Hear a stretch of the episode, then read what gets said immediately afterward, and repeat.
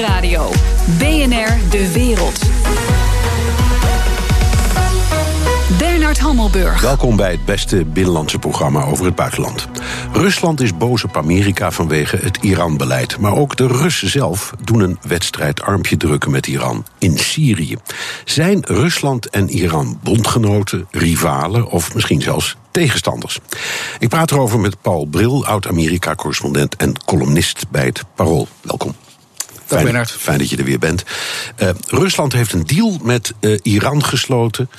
Uh, waarin staat dat Iran zijn troepen 80 kilometer terugtrekt van de Israëlische grens, dus van de Golan-hoogvlakte. Is dat een teken dat ook de Russen zich zorgen maken over de Iraanse aanwezigheid in Syrië? Als uh, de politiek in het algemeen touwtrekken is, dan zou ik zeggen: de politiek in het Midden-Oosten is touwtrekken met minstens drie touwen. Uh, wat je hier ziet is uh, een Rusland dat probeert verschillende belangen met elkaar te verenigen. Aan de ene kant is Iran onmisbaar voor uh, Rusland om, laten we zeggen, een minimum aan stabiliteit te garanderen in Syrië. Uh, hoe je het ook went of keert, uh, het Assad-regime mag aan de winnende hand zijn in de oorlog, of de oorlog zelfs bijna hebben gewonnen.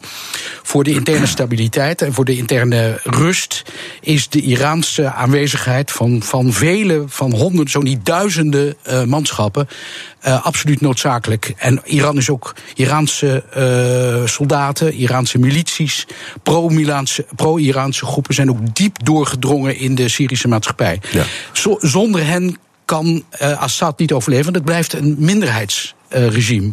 Ja. Dus, dus dat is één gegeven. Aan de andere kant wil Rusland niet dat Iran te machtig wordt. Want als Iran te machtig wordt, dan dreigt, uh, dreigen er spanningen met Israël. Als er nieuwe spanningen met Israël dreigen, kan het uh, nucleaire uh, akkoord met Iran sneuvelen. Dat wil Rusland niet. Dus dan zou zelfs in Europa er misschien een beweging ontstaan om zich maar af te keren van dat, van dat pact. Dus ook daar, ook dat is een belang van Rusland dat te dienen. En verder wil Rusland eigenlijk dat Amerika verdwijnt uit Syrië en zoveel mogelijk uit het hele Midden-Oosten. En als Iran te machtig wordt, zal Amerika dat niet doen. Dus het is, het is in dat spel, in dat krachtenveld, dat je ook dit akkoord met Iran, tussen Iran en Rusland moet zien. Ja, hoe kijken de Saoedi's hier tegen aan? Want die staan, ik zal maar zeggen, aan de kant van. Israël en ook wel aan Amerika, wat in elk geval uh, voor, voor zover ze het zeggen over de, de, toenemende Iraanse macht, die zijn helemaal niet gelukkig met die enorme Iraanse aanwezigheid in Syrië. Nee, voor, voor Saudi-Arabië is Iran vijand en bedreiging nummer één. Dus alles wat de Iraanse aanwezigheid een beetje aan, aan banden legt, is in het belang van Saudi-Arabië. Dus dat zullen ze, op zich zullen ze dat steunen. Uh, Saudi-Arabië, dat merk je ook nu aan het conflict met, uh, Canada. met, met Canada. Daar kunnen we het even over hebben. Maar treedt nou ja, veel zelfbewuster op dan 10, 15 jaar geleden. Ooit Saudi-Arabië was altijd een, een macht op de achtergrond en hield zich, hield zich stil. Nu uh, nou ja, uit het zich werkelijk op een op soms verbijsterende wijze. Want dat conflict met Canada is natuurlijk eigenlijk te gek voor woorden. Ja, nou ja. Um, de, de Canadezen hebben ook wel op een hele wonderlijke manier die kwestie van de mensenrechten aan de orde gesteld. door dat te tweeten in plaats van netjes via diplomatieke ja. kanalen te vragen of ze uh, een beetje willen inbinden. Ja, ja. we hebben natuurlijk een president, Amerikaanse president die alles per tweet doet. Dus zo gek moet de wereld dat eigenlijk niet meer vinden dat dat gebeurt. Het is misschien minder gebruikelijk. Maar uh, het is volgens mij niet zo'n enorm conflict waard. En eerlijk gezegd, ook weer als we 10, 15 jaar geleden hadden geleefd, was er een telefoontje vanuit het Witte Huis naar Riyadh gegaan. En dan ja. was dit uh, weer ingedampt. Nou ja, maar, maar in, in, in plaats daarvan zegt Washington nu heel nadrukkelijk: wij bemoeien ons hier niet mee. Nee, nou ja, dat is eigenlijk uh, precies waarom Saudi-Arabië ook deze stappen kan zetten. Omdat het ziet dat A, er een president is in het Witte Huis uh, die uh, wij, zich weinig bekommert om mensenrechten kwesties. Saudi-Arabië ziet natuurlijk ook dat het Westen behoorlijk verdeeld is en verzwakt is door alle conf interne conflicten die zich, die zich nu openbaren tussen de Verenigde Staten en Europa, tussen de Verenigde Staten en Canada, vanwege NAFTA en vanwege de handelskwesties. en Saudi-Arabië denkt, we kunnen onze gang gaan. Ja, nou dat en dat gebeurt. Ja, nou, het is naar mijn gevoel dit conflict tegen het hysterische aan, hoor. Als je Absoluut. Het, ja. Even terug naar uh, Je zei, er zijn allerlei belangen daar. Eén daarvan is Israël. Israël heeft geëist dat die troepen, die, die Iraanse troepen in Syrië een eind zouden worden teruggetrokken. Maar ze zijn eigenlijk pas tevreden als die troepen helemaal uit Syrië zouden verdwijnen. Ja. Uh, en ze oefenen ook druk uit op de Russen om uh, daar, ja, daarbij te helpen. Dat leidt tot niks, denk jij dus? Ik denk dat dat niet uh, zal gebeuren. Kijk, uh, het, voor, voor Israël is het van belang dat inderdaad Iraanse troepen niet regelrecht aan de grenzen bij de Golanhoogte zijn gestationeerd. Dat, is een, dat zou een acute bedreiging zijn. Is dat ook de reden waarom Rusland tegen Iran heeft gezegd... in deze kwestie moet je even een stapje terug doen? Absoluut, absoluut. Want er staat natuurlijk ook wat tegenover. Want door, door laten we zeggen, dit uh, informele akkoord uh, te, te onderschrijven... heeft Israël wel tegelijkertijd voorlopig... de aanwezigheid van Iraanse troepen in Syrië gelegitimeerd. Ik bedoel, dat is nu wel even een politiek gegeven. Ja. Ja. ik bedoel niet wettelijk gelegitimeerd en voor eeuwig. Maar daar, dat is nu wel even een feitelijk gegeven waarmee Israël, uh, waar Israël zich bij neer heeft gelegd. Dus dat is eigenlijk ook wel weer aan de andere kant een beetje winst voor Iran.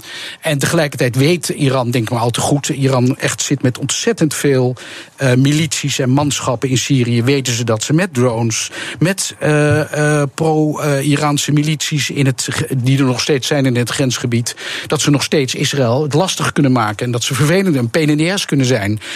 wat ook veel gebeurt, is dat uh, uh, pro-Iraanse groepen zich hullen in Syrische uniformen. En dan zijn het zogenaamde Syriërs, maar het zijn wel degelijk soldaten die uh, de orders van, van, van het Iraanse commando volgen. Zit um, Iran, naar jouw idee, ook achter die mini-oorlog die nu plotseling weer is uitgebarsten tussen Gaza en Israël? Uh, het is niet de Iraanse gewoonte om Soenieten te steunen, maar Hamas is altijd de grote uitzondering. Dus hoe zie jij dat? Want dat, dat, dat is zeer beangstigend. Er zijn, geloof ik, de afgelopen etmaal iets van 150 raketten afgevuurd. En uiteraard weer represailles gevolgd. Dus dat is een hele bedreigende situatie. Ja, als ik het goed begrijp, is het begonnen bij een, uh, met een. Uh een, een, soort militaire exercitie uh, bij de marineacademie. Er, er is een marineacademie op poten gezet door Hamas in, in het noorden. En uh, dat, is, dat is bij uitstek een academie die door Iran wordt betaald. Dus uh, er, er, is wel degelijk een Iraanse connectie. Je weet, je weet nooit precies hoe die zaken nou exact liggen in, in, de, ga, in de Gaza. Nee, maar ik kan me voorstellen, dat, ik kan me voorstellen in dat schaakspel, dat ingewikkelde spel wat jij beschrijft, dat Iran denkt in Syrië staan we voortdurend onder druk. De Russen willen dat we een toontje lager zingen, de Israëliërs ook. Maar we hebben altijd nog die andere kant, namelijk Gaza. Dus we kunnen blijven prikken. Zeker. Nou, en dat zal ongetwijfeld een rol hebben gespeeld. Hoewel je nooit precies weet, hè, omdat natuurlijk ook Hamas eh, is onderverdeeld in verschillende uh, stromingen. Uh, je weet nooit precies wie op, op, op een bepaald moment iets uitlokt. Ja. Uh, maar ik bedoel, de theorie dat, dat, dit een, dat hier een Iraanse connectie uh, in het geding is, ja, die, die, die is zeer aannemelijk. Ja, zeer aannemelijk. Um, Amerika heeft uh, opnieuw sancties ingesteld tegen Iran. Nu een aantal en in, in november komt er dan nog een aan. Uh, landen en bedrijven worden nou voor het blok gezet. Je moet of zaken doen met Amerika um, of met Iran. Um, de Iraanse economie is al in enorme problemen. Gaat er veel veranderen hierdoor? Nou ja, er was in 2011 natuurlijk echt, uh, 2011, 2012, was er even een serieuze kans dat het regime in, in serieuze moeilijkheden kwam. He, dat waren toch toen massale demonstraties en ze hebben het toen met zeer harde hand uh, onderdrukt. Um, het gaat economisch uh, zeker zo slecht als toen, misschien zelfs wel slechter. En wat er natuurlijk bij komt, psychologische factor, dat aanvankelijk door die deal, door die nucleaire deal, de bevolking uitzicht had op nou ja, een serieuze verbetering van de levensomstandigheden. En die, en die, die komt nu niet. Nee. Uh, of, of, nou ja, die, die komt veel minder dan, dan, ze, dan men gehoopt had. Dus dat voedt natuurlijk de, de onvrede en dat voedt het protest. Um, je moet er tegenover uh, altijd bedenken dat ja, het regime heeft natuurlijk enorme belangen bij de status quo. Uh, de revolutionaire garde heeft zich schuldig gemaakt aan massale schendingen van mensenrechten, aan, aan martelingen, aan onderdrukking, aan verdwijningen. Um, als die ooit te val worden gebracht, dan dreigt uh, gevangenschap of veel erger. Uh, tegelijkertijd heeft, hebben hoge mensen in, het, in de regering, en ook, ook wederom in de revolutionaire garde, hebben enorme economische belangen. Een deel van de economie wordt door de revolutionaire garde beheerst. Net zoals het Egyptische leger dat in Egypte doet bij een omwenteling zijn ze dat kwijt. Dus het is verlies van rijkdom, verlies van macht en het gevaar van gevangenschap of erger. Dus het regime zal zich werkelijk tot het uiterste schrap zetten om dat te voorkomen. Nu, nog even over de effectiviteit van die uh, sancties. China, India, Rusland, Turkije, Brazilië. Die negeren dit hele verhaal. Die zeggen we blijven gewoon uh, zaken doen. We zouden niet weten waarom. En we vinden wel een manier om het betalingsverkeer te regelen. Dus dan zou je ook kunnen zeggen, nou misschien valt het dan voor Iran allemaal best mee. Nou ja, dat was natuurlijk uh, bij de, ten tijde van de wereldwijde sancties. was dat ook tot, tot op zekere hoogte het geval. Ze vonden er altijd wel een, een sluipweg om voor een deel aan de sancties te ontkomen. Nu bijten de sancties wel degelijk, maar inderdaad, uh, als China, India, Rusland, Turkije, om maar eens een paar grote spelers te noemen, zeggen wij doen hier niet aan mee. dan heeft op het ogenblik, denk ik, de Verenigde Staten niet het, het machtsmiddel om te zeggen niks mee te maken. We dwingen jullie om mee te doen. Kijk, dit is natuurlijk ook eigenlijk een van de redenen waarom die nucleaire deal ooit echt tot stand is gekomen. Omdat er even een korte periode was waarin eigenlijk de hele wereld die sancties onderschreef. En, en dus eigenlijk er één gesloten front was tegen Iran. En dat heeft Iran ook wel gedwongen om, uh, om in te stemmen met, met, met die deal. Ja. Nou, dat is een heel moeizaam proces geweest. En het is zeker geen perfect akkoord. Er is veel kritiek op mogelijk. Maar het was onder de gegeven omstandigheden, denk ik wel, minimaal begrijpelijk en een verdedigbare zet. Ja, um, ja of Amerika willig met allemaal onwillige partners, niet alleen Rusland, China en Turkije, maar ook Europa wil eigenlijk gewoon niet van die deal af. Nee. Uh, nou, wat je wel ziet is dat er natuurlijk grote uh, Europese bedrijven met grote belangen in de Verenigde Staten, die zitten uh, een beetje in de zenuwen. En die denken van, nou ja, dan moeten we inderdaad onze activiteit in Iran maar eens even, op, in de, even op een laag pitje zetten. Um, of misschien zelfs wel helemaal opschorten.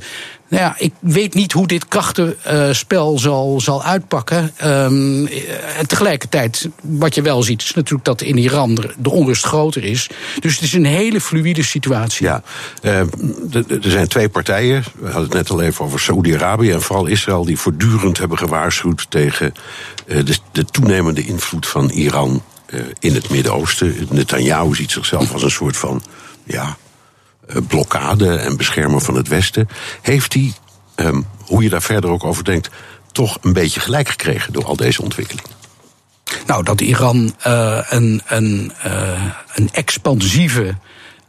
Militante mogendheid is die um, nou ja, de, de, voor, voor veel onrust zorgt in het Midden-Oosten. En die, die consequent bezig is om een soort machtsblok te, te vestigen dat, uh, dat naar zijn pijpen danst.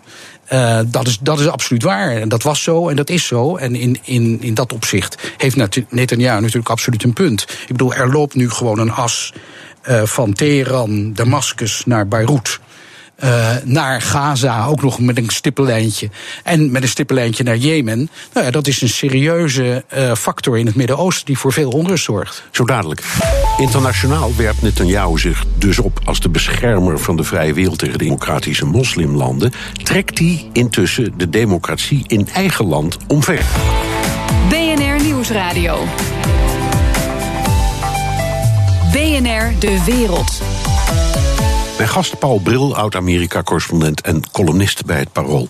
Uh, Paul, we hadden het net al even over ja, de rol die Netanyahu speelt. En die ziet zichzelf toch als een soort van bewaker van de westerse waarden en vrijheden. In eigen land heeft hij uh, een nieuwe omstreden wet erdoor gedrukt, moet ik misschien zeggen. Waarin staat dat Israël nu een Joodse natiestaat is. Wat staat er nou precies in die wet en waar, waarom is die zo omstreden? Nou, een nuchtere analyse van die wet, denk ik, moet tot de conclusie leiden dat er eigenlijk niet zo ontzettend veel nieuws in staat. Ik bedoel, een heleboel bepalingen zijn eigenlijk al ofwel terug te vinden in de onafhankelijkheidsverklaring van Israël, ofwel in de Jeruzalemwet van 1980, ofwel in allerlei basiswetten. Um, het is vooral symboolpolitiek. Maar goed, symboolpolitiek is ook belangrijke politiek. En um, nou ja, dat, het is dus wel een, echt een, een, een een bijzonder ding in de geschiedenis van, van de Israëlische politiek. Dat uh, er zo zo'n duidelijk opgetuigde nazistaat werd. Trouwens, een rot woord vind ik het in het Nederlands. Um, Uh, en nu, nu is doorgedrukt. Nou ja, dat wil zeggen doorgedrukt. We moeten nog even afwachten. Ja, er is het, het parlementaire debat is hervat, begrijp ik, en, uit het laatste en, en het wordt natuurlijk aangevochten bij de Hoge Raad. Ja. En uh, nou, gelukkig is Israël een soort democratie waar wetten nog steeds worden getoetst door, door de Hoge Raad aan, nou ja, aan de bestaande wetgeving, aan de basiswetten van Israël. Dus nou, het is niet uitgesloten dat deze wet nou ja, voor, nog voor een deel wordt herroepen. Ja, een paar dingetjes eruit. Um, het raakt vooral de Arabische bevolking, um, 20% van uh, de Israëlische bevolking. Een deel daarvan is christen, een deel daarvan is moslim. Um, het raakt ook de Droezen. En dat is wel een pijnpuntje, want dat zijn er iets van 150.000. En die zijn zo loyaal als het maar kan in Israël. Uh, zitten allemaal, uh, gaan allemaal in dienst, worden vaak officiers, enorm loyaal. En die groep protesteert, demonstreert en voelt zich echt enorm gepakt. Ja. En, en wel enigszins begrijpelijk, want het is inderdaad een minderheid die zich altijd zeer loyaal en coöperatief heeft opgesteld. Uh, uh, posities heeft in het Israëlische leger, heeft gevochten voor het behoud van de staat Israël. En die voelen zich beledigd. En dat, dat is ook wel te begrijpen, want ja, nogmaals, terwijl aan de ene kant de feitelijke betekenis van de wet niet zo groot is, is de symbolische betekenis natuurlijk wel.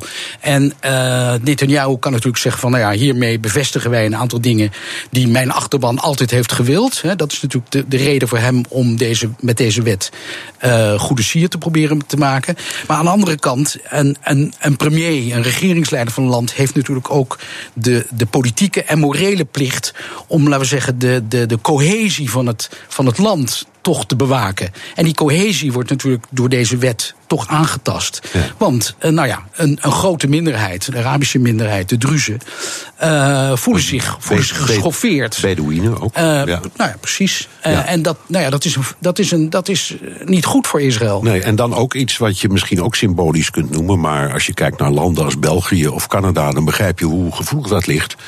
Um, Arabisch is een officiële taal, de officiële tweede taal van Israël. En dat is ook nu op een lager uh, pijl gezet. Nou, in ieder niet, geval, niet, niet, langer meer een officiële het, taal. Het is gedegradeerd. Ja. Dus de status is lager. Hoewel natuurlijk uh, onderwijs kan nog steeds no normaal in het Arabisch worden gegeven.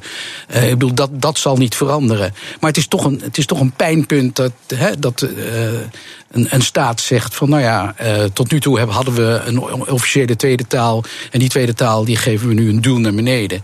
En dat is eigenlijk nergens goed voor, behalve dat het een deel van de achterban van de Likud be, uh, behaagt. Oké, okay, en wat is het dan dat die achterban zo graag wil? Of waar streven ze naar? Of wat zit hier achter? Want ja, dat is een meerderheid, maar het is maar een hele kleine meerderheid. Ja groot deel van de Israëliërs die zegt dat dit, dit, is onzin, dit is gewoon een rechtsstaat en iedereen is welkom. Ik denk dat het antwoord moet zijn dat er uh, processen gaande zijn in Israël die we ook in Europa volop zien, namelijk een hang naar identiteit. En dat identiteitspolitiek um, belangrijk wordt gevonden.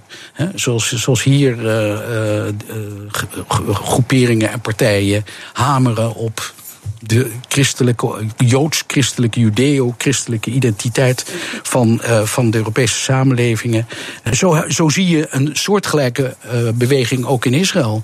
En dat, daar, daar is deze natiestaatwet een uitdrukking ja, van. Nou krijg ik de indruk als ik het lees dat uh, Israël ook de nederzettingen daarmee wil promoten. Zegt de wet dat Palestijns gebied op de westelijke Jordanië ook volledig Israëlisch of volledig Joods is. Want daar komt het dan op neer. Nou ja, wat de wet heel duidelijk zegt is dat uh, de staat Israël de, uh, de, staat van het Joodse volk is. Um, en er wordt ook gesproken over settlement. Er wordt daarentegen in de wet niets gezegd over wat de grenzen van de staat Israël zijn. Dus hiermee is nog niet vastgelegd. Laten we zeggen, is, is, is de Westbank niet voor eeuwig geannexeerd. Nee. Dat doet deze wet niet. Maar goed, het is weer natuurlijk een klein stapje van waarmee Israël de indruk wekt dat er eigenlijk gewoon over de toekomst van het gebied niet meer te onderhandelen valt. Ja. Um je zegt, jou appelleert aan, wat ik, nou ja, dan mijn woorden, maar het populisme dat je overal een beetje ziet. Dus dat komt daar, waarom zou het daar anders zijn? Um, Nou heeft hij ook allerlei eh, kwesties aan zijn broek. Uh, corruptieprocessen die uh, lopen. Zijn vrouw die in de problemen is. Daar wordt ook heel veel.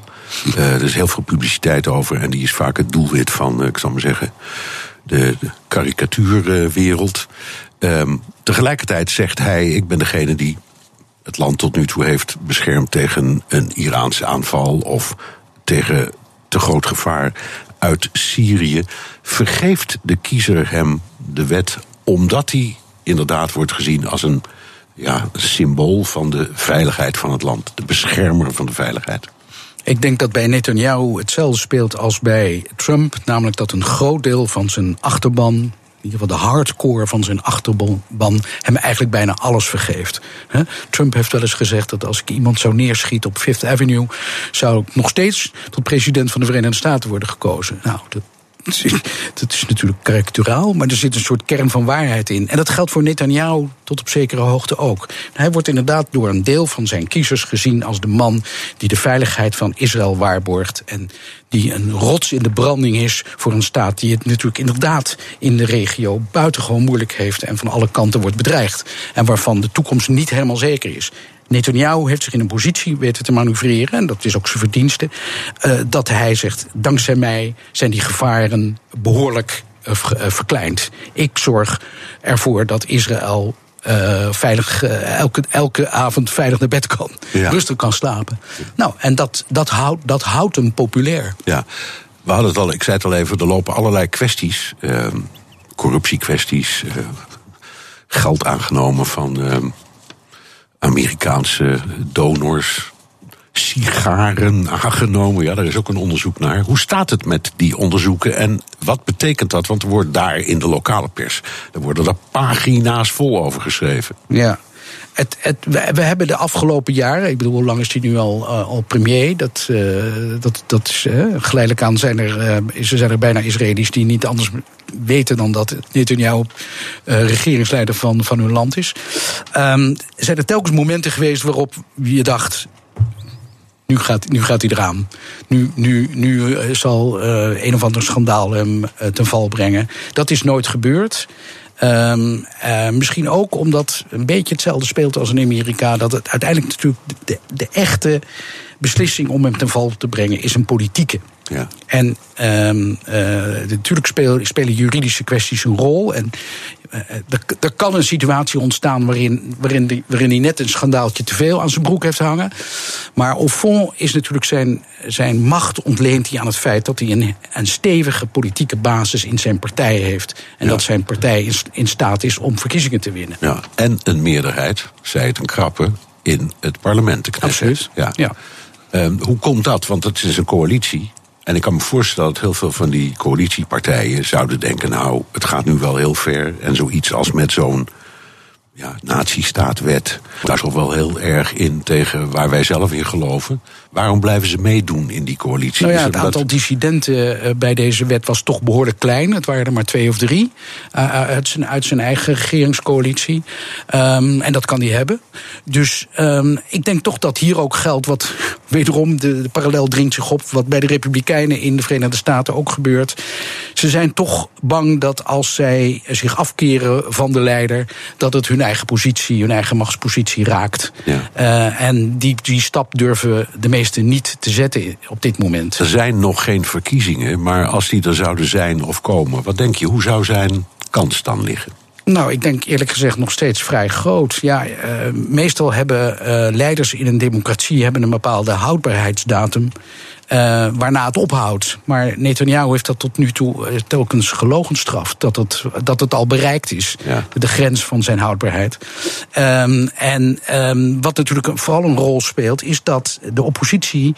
Nou ja, Lapid. Uh, Lapid, dat is eigenlijk de, de, we zeggen, de, de, de leider van, van een partij die je de D66 van, van Israël zou kunnen noemen. Die, die zie ik nog het meest in staat om hem serieus te bedreigen. Maar bijvoorbeeld de Zionistische Unie wat op dit moment de grootste fractie is, uh, als je bij elkaar optelt, want het is een, het is een coalitie. Uh, de grootste uh, fractie, de oppositiefractie is in, in, het, in de Knesset. Ja, die heeft permanent leiderschapsproblemen. Er is geen geloofwaardige uitdaging. Zou je kunnen zeggen dat Israël wat dat betreft leidt aan wat je in bijna de hele westerse wereld bijvoorbeeld ziet. Namelijk dat uh, de progressieve partijen geen vuist meer kunnen maken. Nee, dat is exact wat er aan de hand is. En uh, in Israël telt het nog wat, nog wat zwaarder, omdat natuurlijk.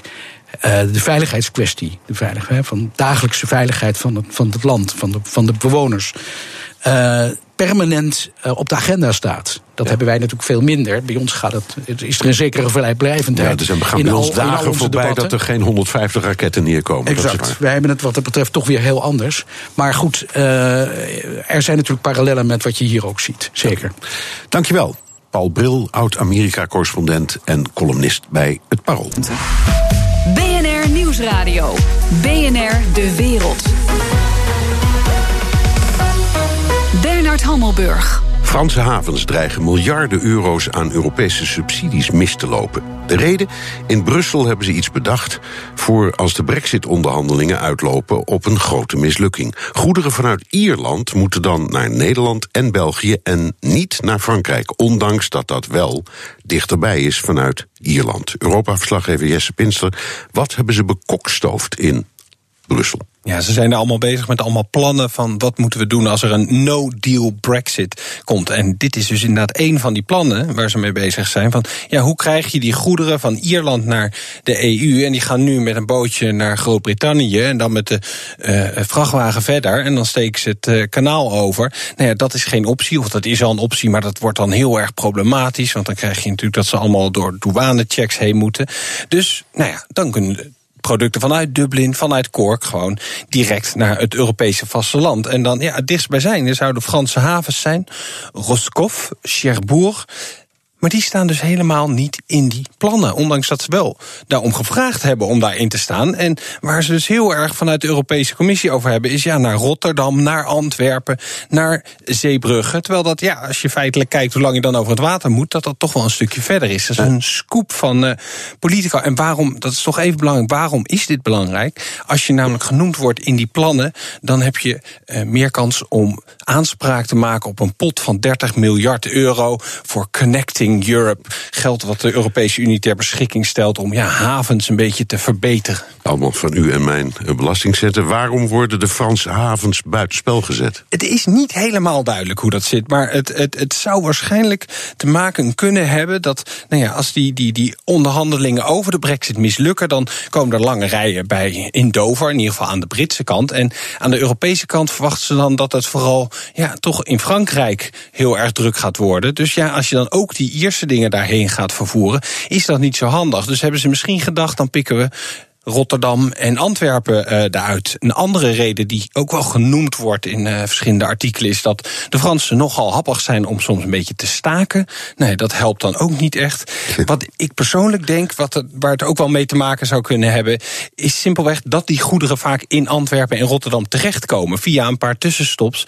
Maar de doorvoer naar uh, de rest van Europa verloopt vaak toch via Antwerpen en Rotterdam. Ja, ik heb het idee dat het in Frankrijk allemaal niet goed is gevallen. Nee, nee, daar zijn ze werkelijk woedend hierover. Om maar eventjes een reactie uit te pikken. Xavier Bertrand, dat is de president van de, de, de provincie Haute-de-France... waar ook Calais bijvoorbeeld uh, in ligt.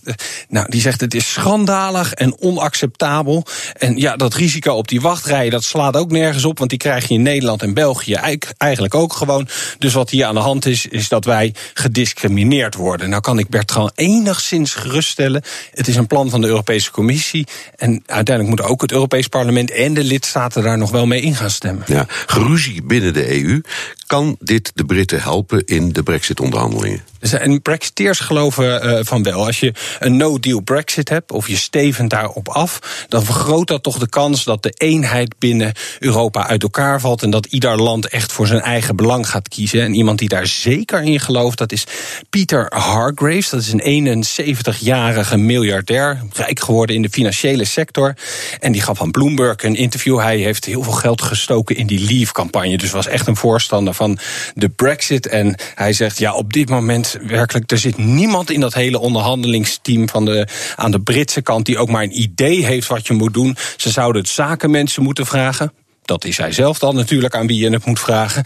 Zijn advies is: Zorg nou voor een no-deal, want dan krijg je echte vrijhandel. Want wat er dan gebeurt is dat de grootste economieën binnen Europa, de Duitsers, de Fransen, de Italianen, die zullen dan zoveel druk uitoefenen op Brussel, omdat ze veel exporteren, ook naar Groot-Brittannië, dat je uiteindelijk echte vrijhandel krijgt. En Hargrave zegt, daar durf ik mijn volledige fortuin, meer dan 4 miljard euro, op in te zetten. Zo. Dankjewel, Europa-verslaggever Jesse Pinster. The Donald Show. Tijd voor een update uit de Verenigde Staten van Trump met onze correspondent in Washington, Jan Posma. Jan, in november zijn er parlementsverkiezingen. Klopt mijn indruk dat republikeinse kandidaten Trump liever niet zien dan wel om campagne voor hem te komen voeren in hun districten? Ja, dat heb je wel eh, goed gezien, Bernard. In ieder geval voor uh, verschillende gebieden geldt dat. En, en dat botst wel een beetje. Want Trump die wil natuurlijk zoveel mogelijk campagne voeren. Hè. Dat is uh, wat hij het allerliefste doet eigenlijk. Hij heeft ook al gezegd dat hij vlak voor november wel zes tot zeven dagen per week op pad wil. Voor eigenlijk elke kandidaat die het ook maar een klein beetje nodig heeft. Maar Trump is natuurlijk niet in elk deel van Amerika even populair. Er zijn gebieden waar, hij echt waanzinnig populair is, maar in sommige gebieden daar, waar wat meer gematigde republikeinen ook bijvoorbeeld zitten, ja, die hebben toch niet zo op hem. Daarom probeert zijn partij het dus een beetje te kanaliseren. Bijvoorbeeld door uh, voor te stellen om Ivanka Trump dan naar buitenwijken van steden te sturen. Daar zitten dan wat meer gematigde, hoger opgeleide republikeinen. Dan kan je Trump naar die echt dieprode Trump-gebieden sturen. En dan, uh, ja, dan gebruik je eigenlijk iedereen uh, op de beste manier. Um, maar uh, wat ook wel weer blijkt, Trump die kiest ook weer zijn eigen weg. Hè? Dus hij bepaalt uiteindelijk wel wie hij steunt. En uh, ja, deze week liet hij ook weer via Twitter weten dat hij zichzelf eigenlijk als een soort kingmaker ziet. Hè? Iemand die elke kandidaat kan laten winnen. En ja, zijn partijgenoten zien gewoon niet altijd hetzelfde wat Trump ziet. Uh, dat was bijvoorbeeld na die speciale verkiezingen van deze week. Ja, in Ohio bijvoorbeeld, waar die, ja. die, die man die Trump steunde, ik geloof met 1% won. Hè? Dus net een bedruppeltje. Ja, 0,9. En het is zelfs officieel nog steeds een beetje too uh, close to call, uh, ja, die, die ja. race. Nou, waar maken die Republikeinen zich druk om? Ze willen, ze winnen veel meer van die speciale verkiezingen dan de Democraten. Ja, dat, dat, dat klopt wel hoor. Uh, ik geloof, wat was het? Acht van de negen, geloof ik, hebben ze tot nu toe gewonnen. Ja, ja.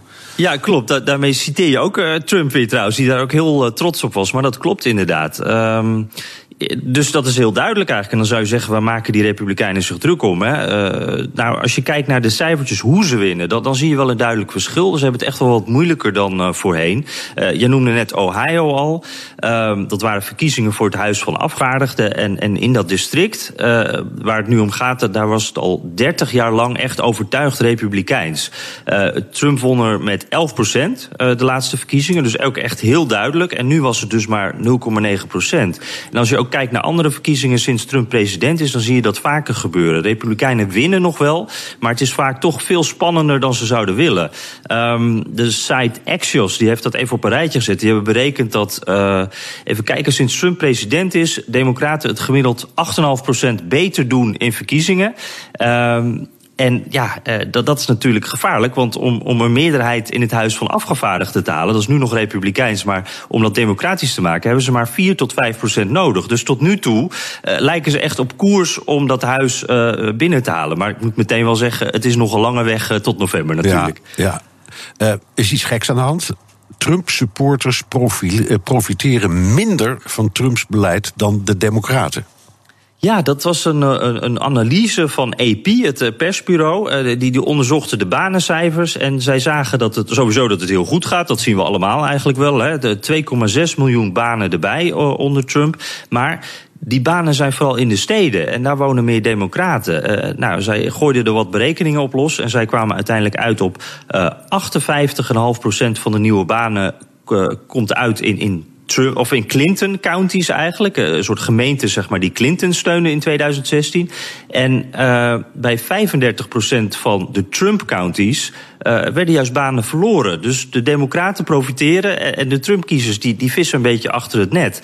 Uh, gelijk moet ik erbij zeggen dat is op dit moment nog geen probleem van Trump. Want uh, ja, zijn harde kern neemt hem dat nog niet kwalijk. Die blijven gewoon achter hem staan. Maar het helpt hem natuurlijk ook niet. Want die Clinton-supporters, ja, het maakt eigenlijk niet zoveel uit wat Trump doet tot nu toe. Die willen ook nog steeds niet op hem stemmen. Nee. Dus het is wel een beetje de vraag hoe lang dat zo door kan gaan. Even kijken naar Robert Mueller, die dat Rusland-onderzoek doet. Die, die kijkt al vooruit naar de verkiezingen van november. Ja, hij moet met zijn, met zijn planning moet hij daar ook rekening mee houden. Het is nog nou, krap 90 dagen zeg maar, tot die midterms. En Muller die moet een beetje voorzichtig zijn. Als hij met groot nieuws komt, bijvoorbeeld een nieuwe aanklacht... of, of nou ja, wat het ook maar is, dan kan hij het verwijt krijgen... dat hij de verkiezingen probeert te beïnvloeden in, als hij dat ergens in de komende maanden doet. Um, aan de andere kant, als hij groot nieuws onder de pet houdt, ja, dan krijgt hij hetzelfde verwijt natuurlijk. Dit is echt het comie-probleem, zeg maar. Van moet ik het vertellen of moet ik het niet vertellen? Uh, in beide gevallen krijg je natuurlijk mensen over je heen die zeggen van ja, jij hebt die verkiezingen uh, beïnvloed. Er is een soort ongeschreven regel dat, dat de grens voor groot nieuws in zo'n onderzoek uh, bij ongeveer 60 dagen voor de verkiezingen ligt. En je ziet dat Giuliani en het Trumpkamp daar ook een beetje op, op inspelen. Die zetten, uh, of uh, ik wou zeggen Comey, maar Mueller zetten ze echt onder druk. en die vinden eigenlijk dat hij nu al moet afronden, omdat alles wat, ja, hoe langer hij erover doet, hoe meer dat zeg maar die verkiezingen dan zou beïnvloeden. Nou, als Mueller zich uiteindelijk aan die vuistregel houdt, we weten het niet, maar dan zou hij dus dus ergens de eerste week van september een, een soort harde deadline hebben uh, voor groot nieuws uit die zaak. En zou hij zichzelf uh, daarna uh, eventjes de mond moeten snoeren. En jij belooft dat je dan in de uitzending komt. Jazeker, dan, okay. dan zit ik natuurlijk klaar. Dankjewel Jan Postma vanuit Washington. Zo dadelijk, Japan haat atoombommen, maar wantrouwen ze Donald Trump genoeg om er zelf een te willen ontwikkelen. BNR Nieuwsradio. BNR De Wereld. Precies 73 jaar nadat Hiroshima en Nagasaki door Little Boy en Fat Man van de kaart werden geveegd, denkt Japan na over een eigen atoomwapen en eigen raketten. De opkomst van China en de wilde uitspraken van Trump leidden namelijk tot grote onzekerheid bij de Japanners. Ik praat erover met Radboud Molijn, Japankenner en oprichter van het bedrijf Global Bridges. Fijn je weer te zien hier in de studio. Ja, nou, altijd een plezier. Ja, uh, vandaag herdenkt uh, Japan het bombardement op uh, Nagasaki. Ja. En nou, drie dagen eerder was dat op Hiroshima uit de Tweede Wereldoorlog. Hoe staat het land daar bij stil en wat voor impact heeft dat nog na 73 jaar? Ja. Het zijn natuurlijk langzamerhand wat rituelen aan het worden. 73 jaar na dato, dan zie je weer dat de burgemeesters van beide steden de wereldbevolking oproepen om vooral niet nucleair te gaan. Tegelijkertijd, eh, zeker dit jaar, eh, nu is in Nagasaki ook eh, secretaris-generaal van de Verenigde Naties is. En die heeft gezegd van dat is, niet meer, dat is meer dan een symbolisch iets. En dat heeft alles te maken natuurlijk ook met Noord-Korea op dit moment. Want Japan staat wat dat betreft gewoon in de vuurlinie. Dus het is niet zo dat het als het ware wat aan het wegveden is. Um, het, is het heeft een zeker ritueel karakter, maar tegelijkertijd men is zich uh, ja, toch zeer bewust van de, van de gevaren op dit moment. Ja. Um, die bommen werden gegooid door Amerika. Uh, dat is de belangrijkste bondgenoot. Uh, die de Japanse veiligheid ja. garandeert. Dat is ook in een verdrag vastgelegd. Japan mag volgens zijn eigen grondwet alleen een defensieve krijgsmacht hebben. nou, eh, trekt Trump bondgenootschappen met de NAVO, maar ook Japan voortdurend in twijfel. Voelt Japan zich nog wel beschermd? Ja, je hebt in Japan heb je twee mooie woorden, tatamai en honne. Tatamai is wat de façade is en honne wat het echt is. En naar de buitenwacht, naar de buitenwereld zal iedereen zeggen van ja, Amerika is natuurlijk de grootste bondgenoot enzovoort. Ik denk dat wat er daadwerkelijk leeft, dat het grote twijfel is. Want met een zeer assertief China, eh, Noord-Korea, wat natuurlijk nog steeds eh, een onberekenbare factor is meneer Trump, waarvan je echt niet weet wat hij vandaag zegt, dan wel morgen doet. Dat zijn dus grote onzekerheden. En ik denk dat Japan wat dat betreft toch aan het nadenken is hoe ze hun eigen, ja, hun eigen mind kunnen opmaken. En dat heeft zeker ook van invloed uh, op de manier waarop ze naar het leger kijken. Ja, en bijvoorbeeld uh, premier Abe die zou de grondwet, als ik het goed begrijp, wel ja. willen aanpassen. En dus uh, de mogelijkheid in die grondwet schrijven om een, ook een offensief leger te ontwikkelen. Zijn de Japanners daarvoor?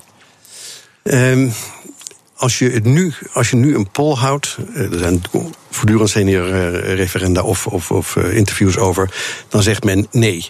Tegelijkertijd, uh, Abe wordt waarschijnlijk herkozen in september als leider van zijn partij. Dat betekent dat hij weer voor zoveel jaar eraan toe gaat, aan, dat hij aan de macht zal zijn. En hij zal echt gaan proberen om die grondwensenwijziging om die er doorheen te krijgen. Dat is, dat is geen twijfel over mogelijk. Maar dat betekent wel dat er een referendum moet komen uiteindelijk. En dat is de vraag of hij dat gaat winnen. Tegelijkertijd, Ehm, er is natuurlijk een hoop uh, spin-doctoring mogelijk om toch te zorgen. En als Noord-Korea nog steeds zo, zo onberekenbaar blijft, kan die stemming best omslaan. Ja, dus dat, daar gaan we direct nog even over praten. Ook over wat dan die bedreigingen precies zijn. Dat, dat begrijpen we. Maar het gaat mij ook even over het gevoel tegen de achtergrond van de herdenking van vandaag, Nagasaki. Uh, dat Japanners dan denken: nee, we moeten als het kan ook in de aanval kunnen. Dat is nogal wat. Hè? Ja, dat is het ook. Tegelijkertijd. Um, het land wil toch een eigen leger hebben. Hè? En waar je dat leger vervolgens op inzet, dat is een andere zaak. Maar het feit dat je natuurlijk eh, constitueel uh, gebonden bent aan allerlei zaken die je beperken om dingen te doen. Nou, dat is 73 jaar na dato, is dat natuurlijk best iets waar je vraagtekens bij kan stellen. Ja, de, de, de Amerikanen zitten daar nog steeds, ik geloof met 50.000 man. Gigantische basis in Okinawa, ja. uh, waar veel over te doen is. Ja. En ik geloof dat de, de, de, belangrijkste actievoerder daar tegen de gouverneur net is overleden, las ik. Zeker, ja. Um, blijft die eh, Amerikaanse basis daar? Nou, weet je, ehm, er wordt al een tijd over gesproken om die te verplaatsen. En nu zijn er ook weer plannen om een stuk van de mensen over te zetten naar Guam. Um, en er zijn zelfs andere plannen om de mensen te stationeren in Californië en Hawaii. En te zorgen dat je het materieel in ieder geval in de buurt hebt. Dus met andere woorden, wat daarmee gaat gebeuren is nog niet zeker. Maar um, in Okinawa zelf is er een hoop uh, stampij tegen die Amerikaanse Ja, maar dat had ook te maken met uh, misdragingen van Amerikaanse soldaten... en het gevoel dat die, dat die enge buitenlanders daar ja, de, de maatschappij verstoren. Toch? Ja, ja, dat is één. Het tweede is, er is gewoon, ik ben in Okinawa ooit geweest, daar zie je gewoon, en daar hoor je voortdurend vliegtuigen opstijgen en, en dalen. En dat zijn niet de passagiersvliegtuigen, maar dat, zijn, dat is dus echt de daadwerkelijke militaire aanwezigheid. Ja. Dus daar kan je ook wel iets bij voorstellen dat men zegt van ga op een ander eiland zitten of ga naar het noorden van het eiland waar het minder druk is. Ja, dat ja. kan. Je had het uh, over uh, Noord-Korea en ook over China. Wat vreest Japan nou het meest van China? Want het is door de, ik mag wel zeggen, millennia heen altijd een soort natuurlijke tegenstander geweest. Ja. Dat is niks nieuws. Wat is er wel nieuw? Nou, dat is dat China steeds assertiever wordt. Um, en wat je natuurlijk de laatste paar jaren hebt gezien in de Zuid-Chinese Zee, die voor 85, 90 procent nu geclaimd wordt door China. Ja, dat is voor Japan een groot punt. Want het land is gewoon afhankelijk van import, van voedsel, van olie, van gas, van noem maar op, van export. En dat gaat voor een heel groot gedeelte gaat het via de Zuid-Chinese Zee. Dus als die Chinezen zouden zeggen van nou, Japanners, je mag er niet doorheen. Nou, dan moet dat via grotere routes gaan gebeuren. Maar dat zijn allemaal toch hele onzekere factoren. Ja, nu is wat dat betreft Amerika wel duidelijk. Ja. Uh, is het volledig met de Japanners eens. En stuurt ook van tijd tot tijd een oorlogsbodem daarheen om even de tanden te laten zien. Tegelijkertijd, de Chinezen bouwen nu op één of meer van die eilandjes landingsbanen. waarmee ze naar hun eigen juridisch inzicht er niet een onbewoond, maar een bewoond eiland van maken. Ja. En dat hoort dan helemaal bij hun. Ja. Um, en niemand die daar eigenlijk iets aan kan doen, daar komt het op neer. Nou, laten we het anders stellen. Um, daar had misschien eerder tegen opgetreden kunnen worden, maar het is nou te laat. Zo simpel is het. Er zijn nu zoveel basis uh, daar, vlak bij de Filipijnen, uh, vlak bij Brunei. Er zijn allemaal van die koraalriffen die ze geclaimd hebben, die ze opgespoten hebben met allerlei zand en, en, en rotsen en noem maar op. Ja, ga daar nog maar eens een keer vanaf. Dus dat is, dat is wat dat betreft een beetje mosterd naar de maaltijd, denk ik. Um, maar het stelt een land als Japan voor een groot probleem. Want het territorium van China is hiermee gewoon uitgebreid met een oppervlakte, geloof ik, hetzelfde als, als India. Zo. Uh, dus dat is een, echt een enorme lap water wat erbij is. En als die wordt gecontroleerd met schepen die er wel of niet doorheen mogen, in het meest extreme geval, nou, dan heeft een land als Japan daar zeker grote, grote problemen mee. Ja. Um, China bemoeit zich ook met uh, Okinawa. Uh, begrijp ik, in, in de discussie over landsgrenzen. Hoe zit dat dan? Ja, kijk, Okinawa is uh, een koninkrijk geweest tot geloof ik 1872. Toen had het notabene ook een handelsverdrag met Nederland. Nou, het is gekoloniseerd door Japan sinds 1872. En nou, je hoort dus nu vanuit een aantal Chinese media toch weer de vraag van... hé, hey, dat koninkrijk, dat was toch eigenlijk wel een mooie status die jullie hadden. Er is onlangs er is er een poll geweest. 2% van de bevolking zegt van we zouden best onafhankelijkheid uh, willen. Um, ik geloof dat 40% zegt van we zouden een zekere mate van autonomie hebben. Maar iedereen beseft ook, er gaat zoveel geld vanuit Tokio naar Okinawa... dat het gewoon uh, not done is op dit moment. Nee. Wat betekent dit allemaal voor de verhouding tussen Japan en Europa? Ja, um, Japan zoekt partners in alle opzichten. En dat hebben ze net gedaan met dat enorme uh, handelsverdrag... wat ze met Europa hebben gesloten. Um, het, het, het, vinden van partners op economisch gebied betekent uiteindelijk natuurlijk ook dat je je sterker en zelfverzekerd voelt in de rest van de wereld. En ja, Japan probeert op in, ook zeg maar met zo'n Trans-Pacific Partnership Agreement, waar Trump destijds uh, al onmiddellijk uh, uittrad, die proberen toch uh, een eigen vrijhandelszone te creëren vanuit economisch oogpunt, maar ook vanuit het oogpunt van, nou ja, zelfvertrouwen. En het idee dat ze dus niet alleen zijn of geïsoleerd zijn ten opzichte van de rest van de wereld. In feite vraag ik nu dingen in jouw eigen vak, hè? want jij, jij bemoeit je heel veel met die zakelijke contacten -hmm. tussen Japan en uh, Europa bijvoorbeeld. Hoe loopt dat nu? Is, zie je duidelijk ook wel iets van een kentering in het denken of het wensen? Of ja. zoeken ze meer dan vroeger? Ja, zeker. En een aantal redenen. Er is een aantal redenen voor. Om te beginnen, de bevolking neemt af. Dus met andere woorden, er moet gewoon. Uh, er moet technologie worden geïmporteerd. Nou, dat is één aspect. Uh, het tweede aspect is, er zijn steeds minder mensen ook aan het bed. Dus er moet ook immigratie wordt toch een thema wat steeds meer wordt. In, in Japan? Ja, nou, dat, zeker. Dat, dat, dat, dat, klinkt voor mij als een revolutie. Want ik dacht nee, dat het enige land in de wereld dat echt elke vreemdeling probeert te weren. Jawel, met alle middelen. Nee, maar wacht even. Je hebt dus de vluchtelingen en je hebt de vreemdelingen. De vluchtelingen die worden geweerd. Ik geloof dat er vorige iets van 23 vluchtelingen zijn ja. toegelaten. Nee, maar ik dacht, ik dacht vreemdelingen ook. Nee, nee, nee. Het is, het is, onlangs is er ook weer een heel contingent aan Vietnamezen naar binnen gelaten. Met name om op het gebied van verpleegtehuizen enzovoort. Om daar zorg te kunnen, te kunnen geven. Dus uh, nee, daar gaan, zijn dingen absoluut aan het kijken naar het grote plaatje, Europa, Japan. Dan zie je dat daar toch, naar mijn mening, in de komende paar jaar gewoon een hoop dingen gaan gebeuren. Ja, op, waar, waar liggen dan de kansen? Want die, die, die komen door al dit soort spanningen natuurlijk ook. Als Japan meer naar ons kijkt, dan kan dat uh, enorme voordelen opleveren. Ja, nou ja, kijk, voor de agrarische sector is het uh, in Europa is het fantastisch. Hè, want we kunnen nou weer uh, wijn exporteren zonder dat daar 15% import duties op zijn. We kunnen kaas exporteren. Japanners kunnen binnenkort auto's zonder extra import duties naar Europa exporteren. Dus met andere woorden. Uh, daar gaat een hoop gebeuren. En tegelijkertijd denk ik dat er in Japan het besef gaat ontstaan dat ze aan Europa misschien een veel betere bondgenoot hebben, uiteindelijk, dan aan Amerika. Uh, wij delen allemaal een zekere mate van fascinatie voor de geschiedenis, stabiliteit. Nou, dat zijn er toch een aantal dingen die meneer Trump wat minder predikt op dit moment. Ja, en Nederland is de oudste handelspartner.